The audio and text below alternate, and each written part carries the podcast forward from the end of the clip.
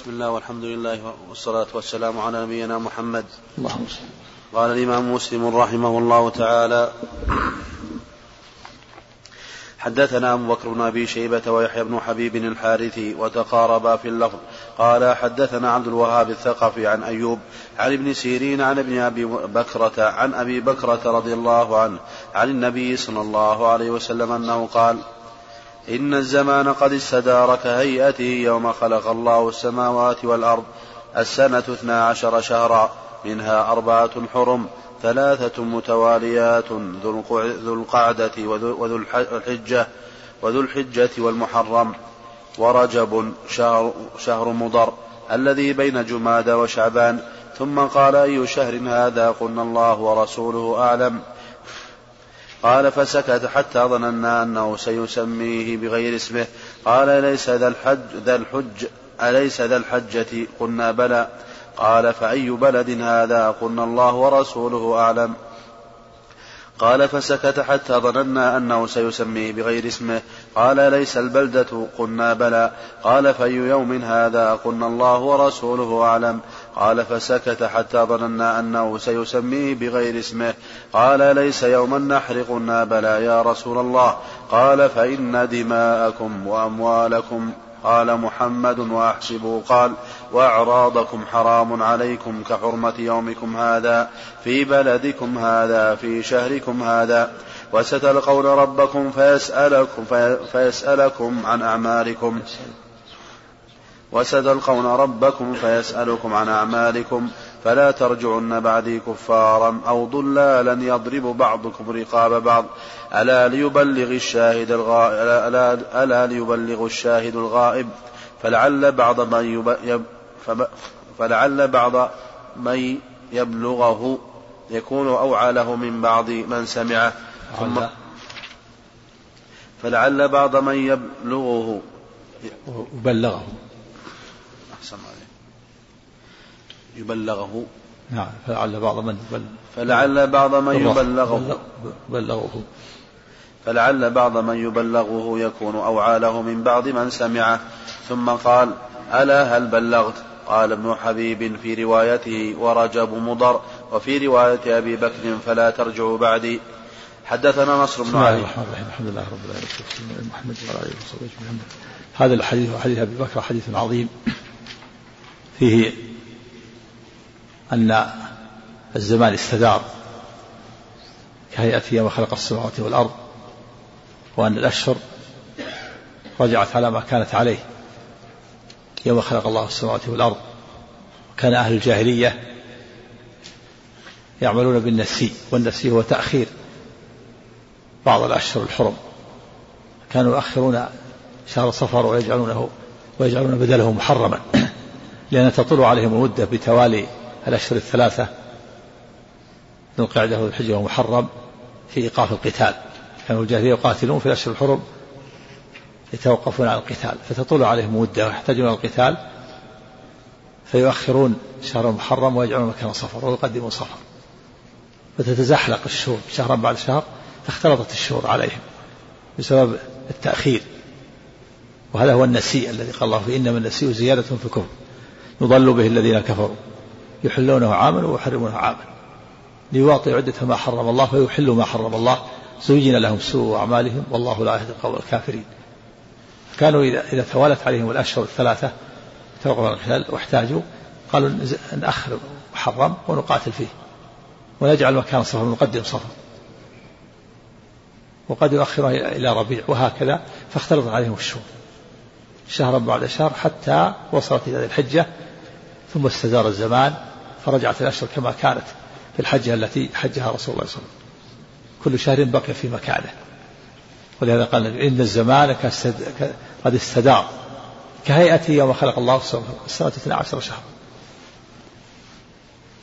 منها أربعة حرم ثلاثة متوالية وهي ذو القعدة والحجة والمحرم وواحد فرد وهو شهر رجب شهر مضر سمي نسب إلى مضر لأنهم كانوا قيل لأنهم كانوا يعظمونه وقيل لأنهم كانوا يجعلونه مكانه بخلاف ربيعة فإنه تجعل تجعله رمضان تجعل رجب رمضان ومضر تجعله مكانه فنسب إليه.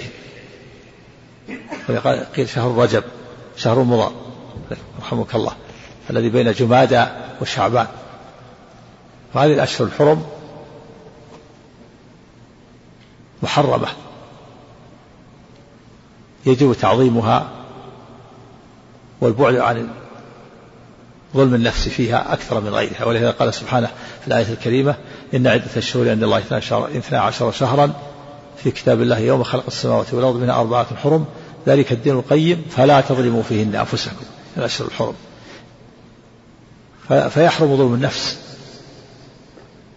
في الأشهر الحرم أكثر من غيرها في الشرك والمعاصي. وظلم النفس الشرك والمعاصي حرام في كل زمان وفي الأشهر الحرم أشد وأغلظ. وفي هذا الحديث تعظيم الحرمات الثلاث الدماء والأموال والأعراض والأعراض.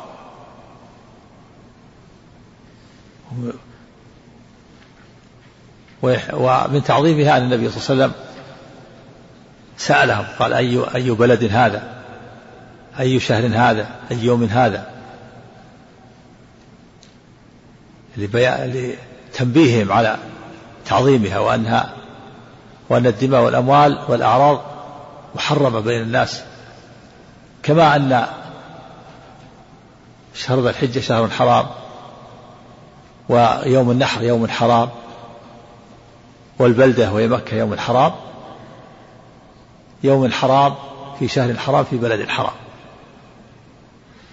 فكما أن هذه محرمة فكذلك الدماء والأموال والأعراض محرمة والنبي صلى الله عليه وسلم فخم وعظم هذا الأمر يقول أي شهر هذا؟ حتى ظنوا سيسميه بغير اسم فقال ليس ذا الحجة قالوا بلى. أي بلد هذا؟ فسكت حتى ظنوا أنه سيسمي بغير اسمه. أليس قال ثم قال أليس ذا البلدة؟ قالوا بلى. أي يوم هذا؟ فسكت. حتى ظنوا أنه سيسمي بغير اسمه. فقط. ثم قال أليس ذا النحر؟ يوم النحر؟ قالوا بلى. قال فإن دماءكم وأموالكم وأعراضكم عليكم حرام كحرمة يومكم هذا في شهركم هذا في بلدكم هذا. وفي أن الصحابة قالوا لما سألوا الله ورسوله أعلم. في أنه يقال في حياة النبي صلى الله عليه وسلم الله ورسوله أعلم. لأنه ينزل عليه الوحي عليه الصلاة والسلام. وأما بعد وفاته فإنه قال الله أعلم. لأن الرسول صلى الله عليه وسلم لا يعلم أحوال أمته.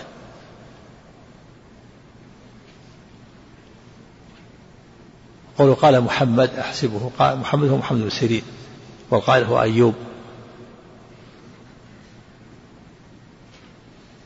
ويقول ألا هل بلغت؟ قال ليبلغ الشاهد الغائب.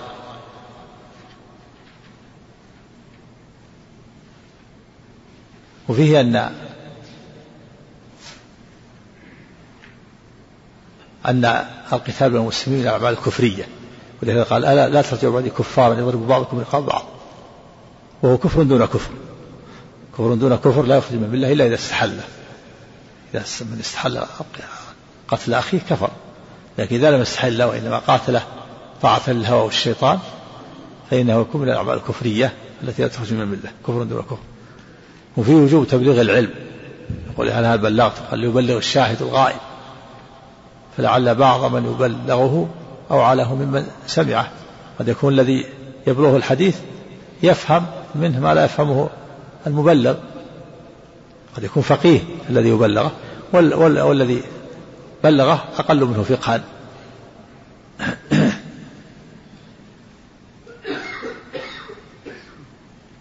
نعم. قال أيوب أيوب راوي عن محمد بن سيرين. نعم. نعم. على في خلاف. الجمهور على القتال الجمهور على أنها نسخ القتال فيها. وقيل إن تحريم باقي وأنه لا يجوز القتال فيها. وصفوا أنه منسوخ لأن الصحابة قاتلوا في الأشهر الحرم. لم يزال الصحابة بعد وفاة النبي صلى الله عليه وسلم يفتحون الأمصار والمدن ويقاتلون في الأشهر الحرم. نعم. قتالهم في الطائف كان في الأشهر الحرم أو قبله نعم. قتالهم في الطائف كان حصار حصار كان حصار. نعم. نعم. حدثنا نصر بن علي الجهرمي قال حدثنا يزيد بن زريع. قال حدثنا عبد الله بن عون عن محمد بن سيرين عن عبد الرحمن بن أبي بكره عن ابيه رضي الله عنه قال لما كان ذلك اليوم قعد على بعيره وأخذ إنسان بخطامه. فقال تدرون أي يوم هذا؟ قالوا الله ورسوله أعلم. حتى ظننا أنه سيسميه اسمه. فقال ليس بيوم النحر. قلنا بلى يا رسول الله. قال فأي شهر هذا قلنا الله ورسوله أعلم. قال ليس بذي الحجة قلنا بلى يا رسول الله. قال فأي بلد هذا قلنا الله ورسوله أعلم. حتى ظننا أنه سيسميه سوى اسمه. قال ليس بالبلدة قلنا بلى يا رسول الله. قال فإن دماءكم وأموالكم وأعراضكم عليكم حرام. كحرمة يومكم هذا في شهركم هذا في بلدكم هذا.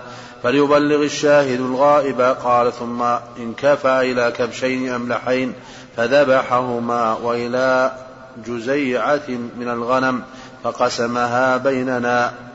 وهذا في حجة الوداع. كبشين ذبحهما أضحية.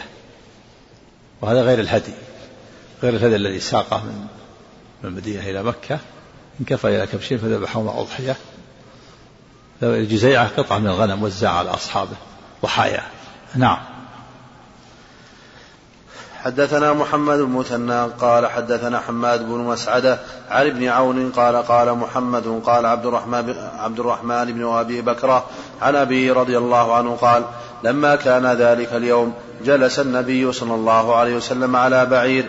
قال ورجل آخذ بزمامه أو قال بخطامه فذكر نحو حديث يزيد بن زريع حدثني محمد بن حاتم بن ميمون قال حدثنا يحيى بن سعيد قال حدثنا قرة بن خالد قال حدثنا محمد بن سيرين عن عبد الرحمن بن أبي بكرة وعن رجل آخر هو في نفسي أفضل من عبد الرحمن بن أبي بكرة حاء وحدثنا محمد بن عمرو بن جبلة وأحمد بن خراش قال حدثنا أبو عامر عبد الملك بن عمرو.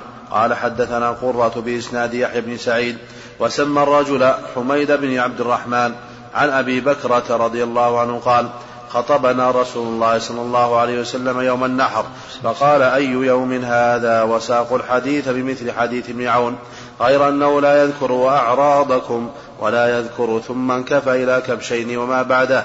وقال في الحديث كحرمة, كحرمة يومكم هذا في شهركم هذا في بلدكم هذا إلى يوم إلى يوم تلقون ربكم.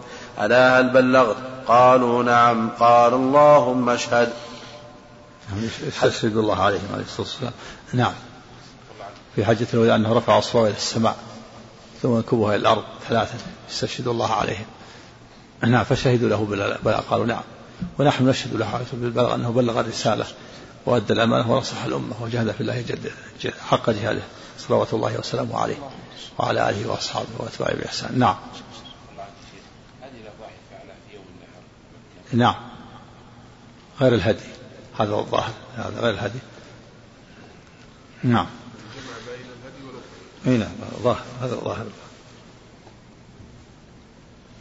وعلى هذا يكون فيه حجة لمن قال أنه إن الحاج يضحي. وما يرى أن الحاج لا أضحية عليه ولا يكتفي بالهدي. نعم. حدثنا عبيد الله بن معاذ العنبري قال حدثنا أبي قال حدثنا أبو يونس عن سماك بن حرب أن علقمة بن وائل حدثه أن أباه حدثه قال إني لقاعد مع النبي صلى الله عليه وسلم إذ جاء رجل يقود آخر بنسعة فقال يا رسول الله. علقمة بن وائل. سم؟ علقمة. بن وائل نعم. عن أبيه عن أن علقمة بن وائل حدثه وأن أباه رضي الله عنه حدثه. يعني كان علقمة سمع من أبيه. وفي سماع علقمة من أبيه في خلاف. يحيى بن معين يرى أنه لم يسمع علقمة من أبيه. في التقريب ذهب كان أخذ بقول يحيى قال أنه لم يسمع من أبيه. في هذا الحديث أنه سمع من أبيه. وكأنها يعني كان يعني سماك بن حرب يعني كأنه دلس سمعه من أبيه. تقريب معك ولا تهذيب معك؟ علقمة هو سبع علقمة. نعم. نعم. قريب هو نعم. أن علقمة بن وائل حدثه أن أباه رضي الله عنه قال أن أباه رضي الله عنه حدثه قال إني لقاعد مع النبي صلى الله عليه وسلم إذ جاء رجل يقود آخر بنسعة فقال يا رسول الله بنسعة. بنسعة. ضبط عندك؟ بكسر أما النسعة فبنون مكسورة ثم سين ساكنة. بس. ثم عين مهملة. ما ذكر وجه آخر؟ ما ذكر حسن الله. نسعة وهو الحبل الذي يقال به. نعم. إذ جاء رجل يقود آخر بنسعة فقال يا رسول الله هذا قتل أخي. فقال رسول الله صلى الله عليه وسلم الله. أقتلته فقال إنه لو لم يعترف أقمت عليه البينة. قال نعم قتلته. قال كيف قتلته؟ قال كنت أنا وهو نختبط من شجرة فسبني فأغضبني فضربته بالفأس فضربته بالفأس على قرنه فقتلته. فقال له النبي صلى الله عليه وسلم هل لك من شيء تؤديه عن نفسك؟ قال ما لي ما, ما لي مال إلا كسائي وفأسي. قال فترى قومك يشترونك. قال أنا أهون على قومي من ذاك. فرمى إليه بنسعة وقال دونك صاحبك فانطلق به آه. الرجل. فرمى إليه. فرمى إليه بنسعة وقال دونك بنسعته. بنسعته. نعم. أحسن فرمى إليه بنسعته وقال دونك صاحبك فانطلق به الرجل. دونك يعني خذه اسم فعل الأمر. نعم. فانطلق به الرجل فلما ولى قال رسول الله صلى الله عليه وسلم إن قتله فهو مثله. فرجع فقال يا رسول الله إنه بلغني أنك قلت إن قتله فهو مثله وأخذته بأمرك. فقال رسول الله صلى الله عليه وسلم أما تريد أن يبوء بإثمك وإثم صاحبك؟ قال يا نبي, يا نبي الله. لعله قال بلى. قال فإن ذاك كذاك. قال فرمى بنسعته وخلى سبيله. نعم. وهذا الحديث فيه فيه ال... فيه الأخذ بإقرار القاتل وقبول الإقرار في في الدماء. وفيه أن المقتول القاتل يؤخذ. وأنه لو أخذه بحبل فلا بأس. وفيه شهادة لقول الله تعالى قد جعلنا لوليه سلطانا. هذا من السلطان الذي جعله الله لوليه القتيل إنه أخذه بنسعته بحبله يقوده جاءه يقوده بحبله ولم ينكر عليه النبي صلى الله عليه وسلم في رقبته. وفيه فيه أنه أقر فيه قبول الإقرار. وان من أقر فلا عذر له. في أخذ الانسان بما أقر به. وفيه قبول الإقرار في القتل. وبين سبب قتله وأنه كان كان يختلط الخبط الحشيش. فسبه فضربه بفأس بالفأس. على قرنه على على رأسه. وما قول النبي صلى الله عليه وسلم في أن النبي عرض له عليه الدية فقال ليس عنده شيء وأنه وأن قومه لا لا يدونه بل هو أهون من ذلك. قال دونك صاحبك. يعني خذ. فلما ولى الرجل ليقتله قال إن قتله فهو مثله. فأتي الرجل فقيل له النبي صلى الله عليه وسلم قال إن قتله فهو مثله. فرجع إلى النبي صلى الله عليه وسلم فقال يا رسول الله بلغني أنك قلت إن قتله فمثله وقد أخذته بأمرك. فقال أما تريد أن تبوء أن يبوء بإثم بإثمك وإثم صاحبك؟ قال بلى. فخلى سبيله.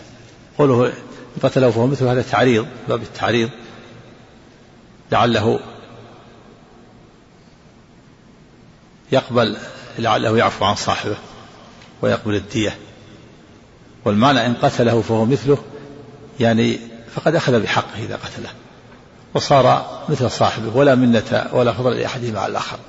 بخلاف ما إذا عفى عنه فإنه يكون له المنة والفضل عليه مع ما أعد الله له من ثواب الآخرة. فإذا عفى عنه صار له منة وفضل عليه. أما إذا قتله فكان مثله. كل منهم ليس له على الآخر فضل ولا منة. وهذا فيه تعريض تعريض بأن وهذا فيه تعريض تعريض بأن تعريض. لولي القتيل بأن يخاف ويظن أنه مثله يعني في الإثم. فيخلي سبيله. ولهذا المقال خلى سبيله. فهو مثله في تعريض وإيهام. إيهام أنه مثله في الإثم. وليس المراد هذا. والمراد أنه مثله في أنه لا منة ولا فضل لأحد منه قال أما تبوء أما تريد أن يبوء بإثمك وإثم صاحبك؟ إثم صاحبه لأنه قاتله وإثمه لأنه آه لما سمع بقتل ولي القتيل لما سمع بقتله حصل له ألم وغجر ورعب. فهذا هذا هو الإثم إثم المقتول بالقتل وإثم ولي القتيل. بترويعه حينما سمع بقتل مورثه.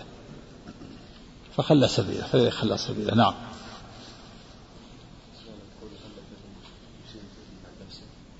يعني الدية يعني. هلك بشيء تديها عن نفسك؟ يعني لو لو قبل صاحبك الدية فما عندي شيء. نعم. نعم. اللفظ هذا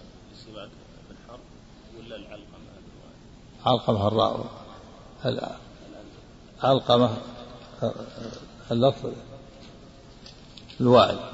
الصحابي هو الراوي الحديث وائل والراوي عنه علقمة والراوي عن علقمة سماك نعم. وحدثني و... في سماك علقمة. علقمة. ها؟ علقمة. اسم علقمة عندك؟ كتاب موجود إيه الكتاب إيه الكتاب. إيه. نعم. يصرح إيه، وذا في الرد على يحيى بن معين قائل بأنه لم يسمع من أبيه. لكن قد يقال قد يقول قال أن السماك دلس دلس السماعة. التقريب أخذ بقول يحيى قال لم يسمع من أبيه. نعم. نعم. نعم بقول قال قال أو أو أن. هذا صرح بالسمع ولهذا فيه دليل على أن الحديث متصل خلافا لما قال إنه منقطع. نعم. وحدثني ابن وحدثني ابن حاتم قال حدثنا سعيد بن سليمان قال حدثنا هشيم قال أخبرنا إسماعيل بن سالم عن علقمة بن وائل عن أبيه عن أبي رضي الله عنه قال أبي قال أبي رسول الله. آه عن علقمة بن وائل. عن علقمة بن وائل عن أبيه. إيه. هنا ما في تصريح بالسمع نعم. قال قال قتل إيش؟ قال أتي رسول الله صلى الله عليه وسلم برجل قتل رجلا فأقعد. أتي. أتي رسول الله صلى الله عليه وسلم برجل قتل رجلا فأقعد ولي المقتول منه فانطلق به وفي عنقه نسعة يجرها فلما أدبر قال رسول الله وسلم ولا يجره بها؟ يجرها يجر النسعة نعم. وإذا جر النسعة جر القتيل. نعم فيه فيه دليل على أن لولي القتيل سلطان على على المقتول. ولهذا قال سبحانه ومن قتل مظلوما فقد جعلنا فقد جعلنا لوليه سلطانا فلا يسرف القتل إنه كان منصورا هذا السلطان عليه أنه يجره بنسعته الحبل في رقبته. نعم. فلما أدبر قال له قتله أشد من جره أشد من جره بالحبل نعم. فلما أدبر قال رسول الله صلى الله عليه وسلم القاتل والمقتول في النار. فأتى رجل رجلا فقال له مقالة رسول الله صلى الله عليه وسلم فخلى عنه. قال إسماعيل بن سالم فذكرت ذلك لحبيب بن أبي ثابت. قال فحدثني قال حدثني ابن أشوع. أن النبي صلى الله عليه وسلم إنما سأله أن يعفو عنه فأبى.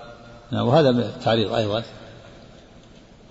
قتل رجل رجلا فأقاد النبي صلى الله عليه وسلم ولي المقتول. أقاده يعني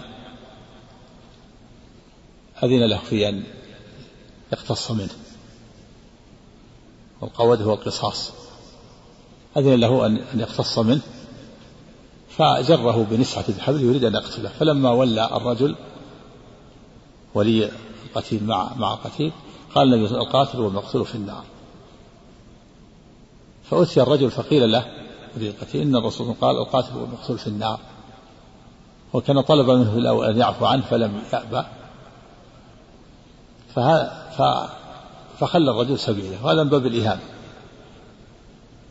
يعني لعله يفهم أنه داخل في ذلك وإلا مو بداخل قاتل المقتول في النار.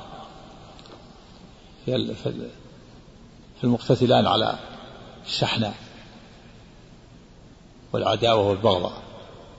أما هذا يريد أن يقتله بالحق لكن هذا من باب التعريض لعله يفهم أنه داخل في ذلك فيخلي سبيله. ولهذا خلى سبيله الرجل. لما أبلغ النبي صلى الله عليه وسلم قال قاتل المقتول في النار خلى سبيله. والتعريض. إذا كان له أسباب فلا بأس به. مثال ذلك أن يأتي شخص يستفتي فيقول للمستفتي يستفتي عالما فيقول يستفتيه يقول له هل القاتل من توبة؟ فيكون المفتي يتوسم في أن هذا يتوسم أن هذا الرجل فيه شر. وأنه إذا أفتاه بأن القاتل له توبة يقتل. فيقول صح عن ابن عباس أنه قال لا توبة للقاتل. فهذا يوهمه يوهمه أنه يوافق ابن عباس. وهذا صحيح صح عن ابن قال لا توبة للقاتل. لكن الصواب أن له توبة. هذه الجمهور. ف فيجيب بذلك ويكتفي. نعم. أو يقول مثلا يسأله سائل عن الغيبة هل هي تفطر الصائم؟ فيقول ورد أن الغيبة تفطر الصائم وإن كان صومها لا تفطر الصائم. نعم. نعم. ولي الولي يمكن ولي ولي القتيل يمكنه الحاكم يأذن له إن أحب أن يتولى بنفسه أو يوكل وكيل أو يكون هناك وكيل عن عن ولاة الأمور. والأصل أنه حق لولي القتيل إذا أحب بنفسه يوكل يتولى بنفسه. نعم. حدثنا يحيى بن يحيى قال قرأت على مالك عن ابي شهاب عن ابي سلمة عن ابي هريرة رضي الله عنه. عن الأبي أو النسخة الثانية في في قصة علقمة قالوا فهو مثله وقول قاتل المقصود في النار تكلم عليه. إيش؟ قال؟ عليه الأبي عندك؟ إيش يقول؟ قوله فهو مثله أمثل ما قيل فيه أنه مثله بانتفاء التباعة عن القتال بالقصاص ها؟ إيش؟ امثل ما قيل فيه. نعم. أنه مثله في انتفاء اتباعه في, في انتفاء اتباعه القتال بالقصاص وقيل مثله في إيه؟ أنه فهو مثله في انتفاء اتباعه في انتفاء اتباعة عن القتال بالقصاص إيش معنى هذا؟ مثله في اتباعه مثله في اتباعه إيش؟ في اتباعه اتباعه إيه عن إيش؟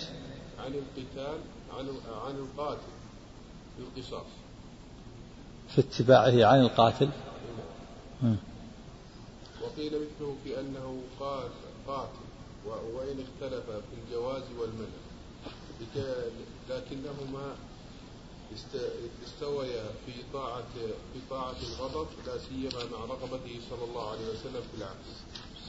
وفي أبي داود أن القاتل ذكر أنه لم يرد لم يرد قتله. وأنه صلى الله عليه وسلم قال أنه كان صادقا.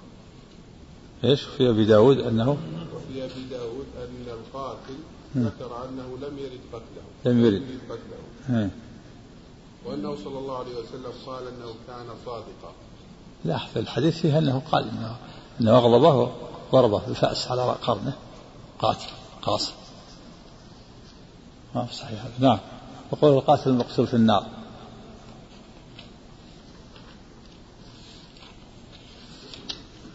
نعم هذا لا مثل ما قيل إنه إما أن يقال إنه مثله في أنه لا فضل له ولا منة لأحد مع الأخر أو إنه مثله في كونه قاتلا وإن اختلف في الحكم. هذا قاتل بحق والأول قاتل بظلم. فهو مثله يعني في كل منهما قاتل. صار هذا قاتل وأنت قاتل. كل منكما صار قاتلا فيكون إيهام له. إيهام له بأن بأنه يأثم وهو لا يأثم حتى يخلي سبيله. وهو القاتل المقتول في النار. قال كون الولي من أهل النار إنما هو لأمر آخر علمه النبي صلى الله عليه وسلم صلح. من أجل قصاصه أو يكون استحق ذلك لإغضابه صلى الله عليه وسلم. إذ لم يقبل ما أمره به من العفو. إذ لم يقبل ما أمره به من العفو مرة بعد أخرى فإنه جاء أنه أمره أربع مرات وفي كلها يأبى وقيل ليس المراد بقوله, بقوله القاتل والمقتول في النار هذين الشخصين لأنه كيف يصح وقد أباح له قتله. وإنما قاله صلى الله عليه وسلم المتقاتلين نعم المتقاتلين هذا هذا هو الصواب. إنه ما يقصد هذا قاتل المقتول في النار عام. نعم. المتقاتلين عصبية كقوله إذا التقى المسلمان. صحيح هذا هذا أقرب. لكن لعله يفهم فيعرف. نعم. حدثنا يحيى بن يحيى قال قرأت على مالك عن ابن شهاب عن أبي سلمة عن أبي هريرة رضي الله عنه أن امرأتين من هذيل رمت إحداهما الأخرى فطرحت جنينها فقضى فيه النبي. سم سم.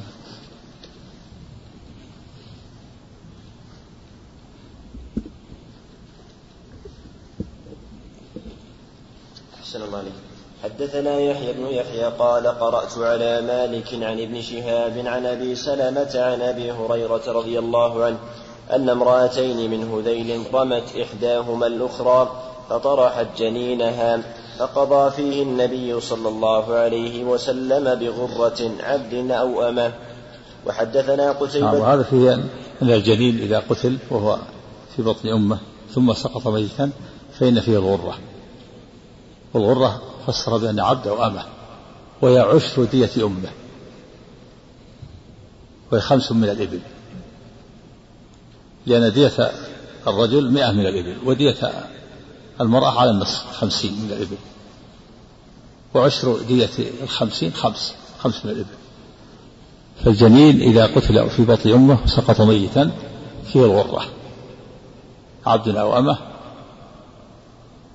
وهي عشر دية أم تقدر بخمس من الإبل. عشر دية أمه نعم. عفى الله عنك. وحدثنا قتيبة بن سعيد قال حدثنا ليث عن ابن شهاب عن ابن المسيب عن أبي هريرة رضي الله عنه أنه قال قضى رسول الله صلى الله عليه وسلم في جنين امرأة من بني لحيان سقط ميتا بغرة عبد أو أمه ثم إن المرأة التي قضي عليها بالغرة توفيت فقضى رسول الله صلى الله عليه وسلم بأن ميراثها لبنيها وزوجها وأن العقل على عصبتها. نعم العقل يعني الدية هم يعقلون عنه لأن الدية تكون على العاقلة. توفيت القاتلة فجعل ميراثها لزوجها وبنيها وجعل الدية دية الجنين أو تكون على العاقلة على العاقلة يعني العصبة. نعم. أحسن الله عليك وحدثني أبو الطاهر قال حدثنا ابن وهب حاء وحدثنا حرملة بن يحيى التجيبي قال أخبرنا ابن وهب قال أخبرني يونس عن ابن شهاب عن ابن المسيب وأبي سلمة بن عبد الرحمن أن أبا هريرة رضي الله عنه قال اقتتلت امرأتان من هذيل فرمت إحداهما الأخرى بحجر فقتلتها وما في بطنها فاختصموا إلى رسول الله صلى الله عليه وسلم. فقضى رسول الله صلى الله عليه وسلم أن دية جنينها غرة عبد أو وليدة وقضى بدية المرأة على عاقلتها وورثها ولدها ومن معهم. فقال حمل بن النابغة الهذلي يا رسول الله كيف أغرم من لا شرب ولا أكل ولا نطق ولا استهل؟ فمثل ذلك يطل. فقال رسول الله صلى الله عليه وسلم إنما هذا من إخوان الكهان. من أجل السج من أجل سجعه الذي سجع. نعم وفي هذه القصة أن هاتين المرأتين اقتتلا من هذيل وفي الآخر من بني الأحيان وبني الأحيان من هذيل بطن من هذيل. وفي اللفظ الآخر أنهما ضرتان رمتها بحجر فقتلتها وما في بطنها فقضى النبي صلى الله عليه وسلم بالدية ولم يقتل بالقصاص لأنها لأن هذا شبه العمد هذا شبه العمد وهو أن يقصد الفعل ولا يقصد القتل. كان يريد يرميه مثلا يضربه بعصا يريد أن يضربه لكن ما يريد أن يقتله ثم يؤدي به إلى القتل.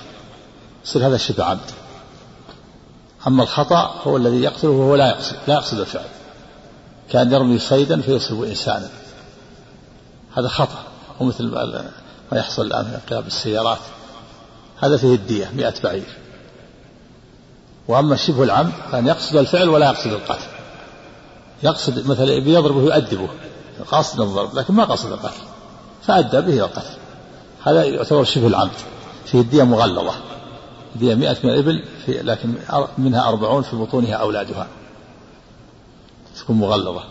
أما دية الخطأ ما فيه إلا أربع مئة ما فيه ما فيها خليفات وهات هات المرأتان اقتتلتا فرمت احداهما الأخرى بحجر.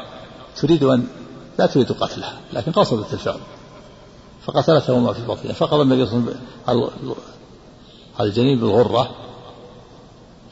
وقضى بالدية دية المقتولة على العاقلة على عاقلتها. وقضى بميراثها ل لما ماتت لبنيها وزوجها. والعاقلة هم العصبة إلا الأبناء والآباء.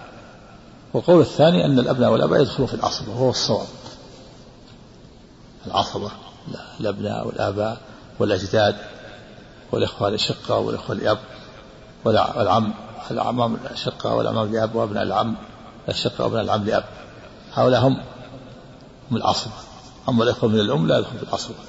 والعم من الأم والأخ من الأم لا يدخلون في العصبة. والأخوال والخالات وأبناء الأخوال والخالات ليسوا العصبة.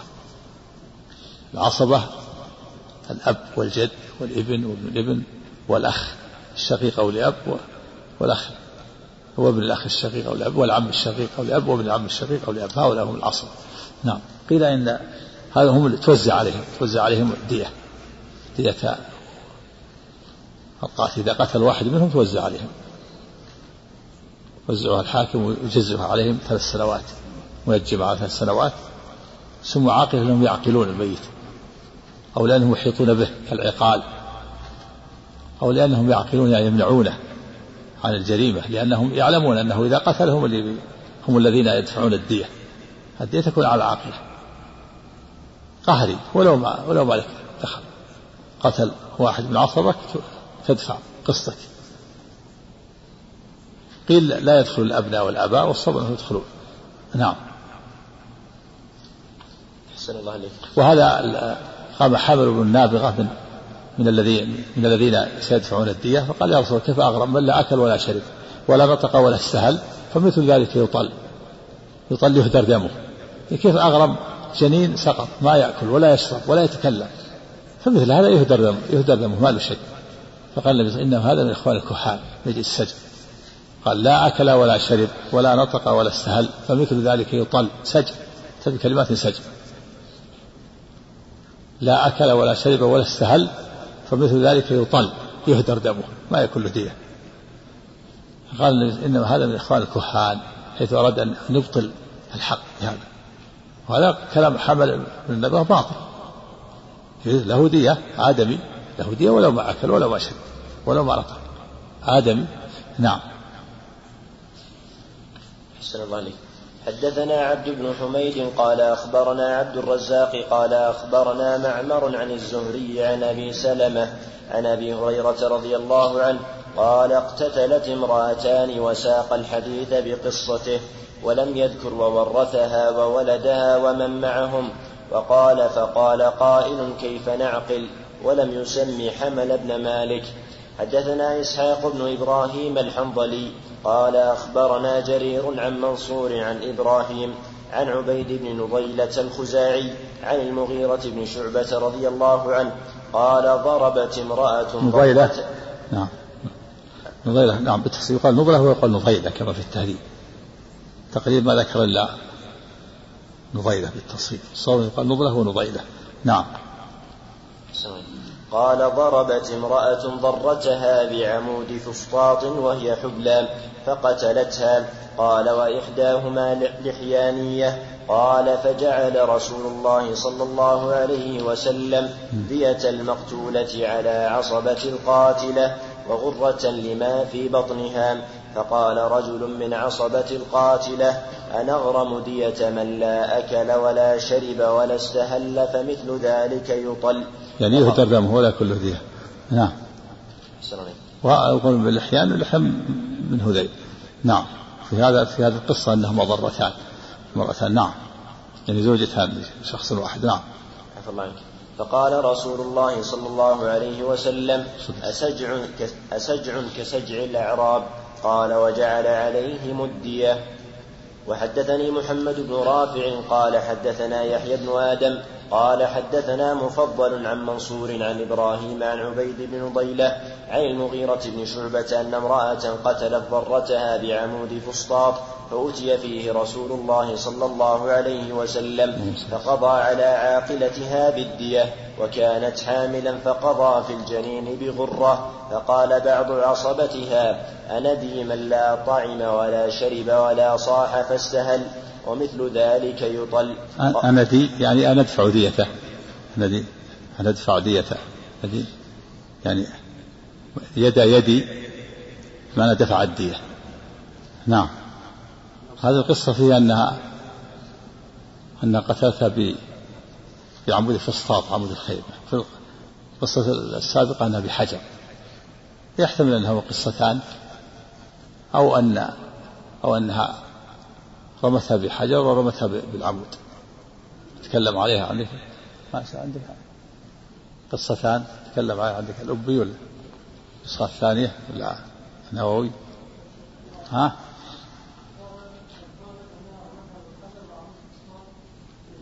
نعم لعل لعل فعلت الأمرين تكون قصة واحدة ويحتمل أنه قصتان الأبي تكلم عليه؟ نعم. أحسن الله إليك. سقط غيث الله. نعم. سقط حيا له دية كاملة. الظاهر الظاهر نعم. ظاهر أنه يكون إنسان. إذا سقط حيا ثم مات بعد ذلك. نعم.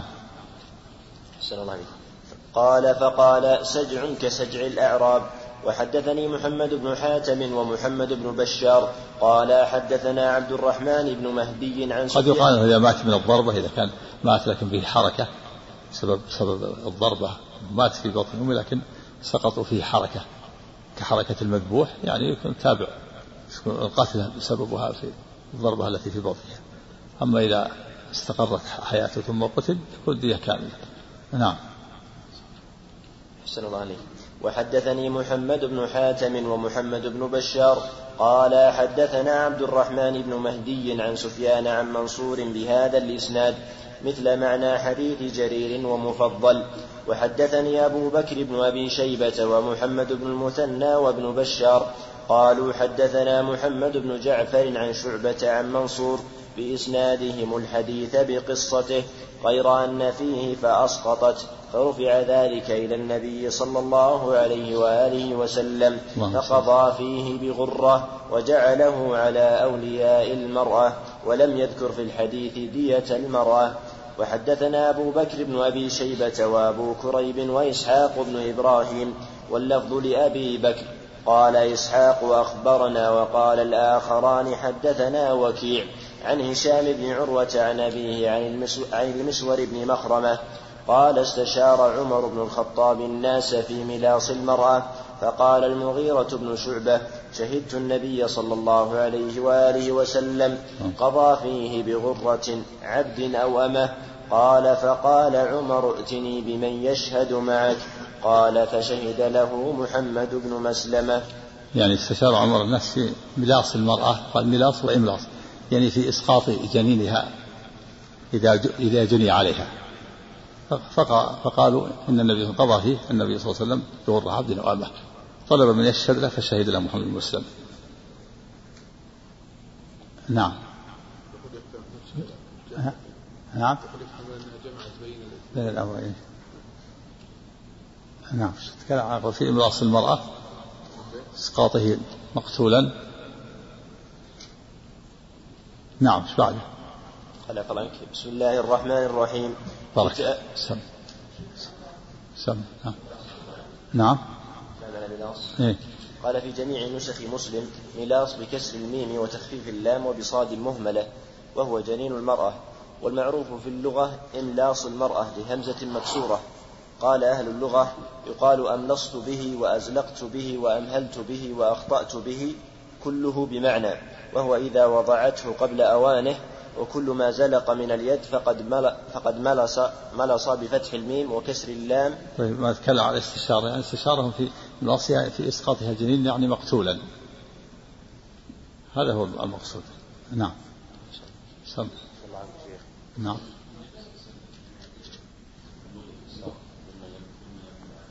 لا ما أرادت القتل ما قصدت القتل قصدت قصدت الفعل.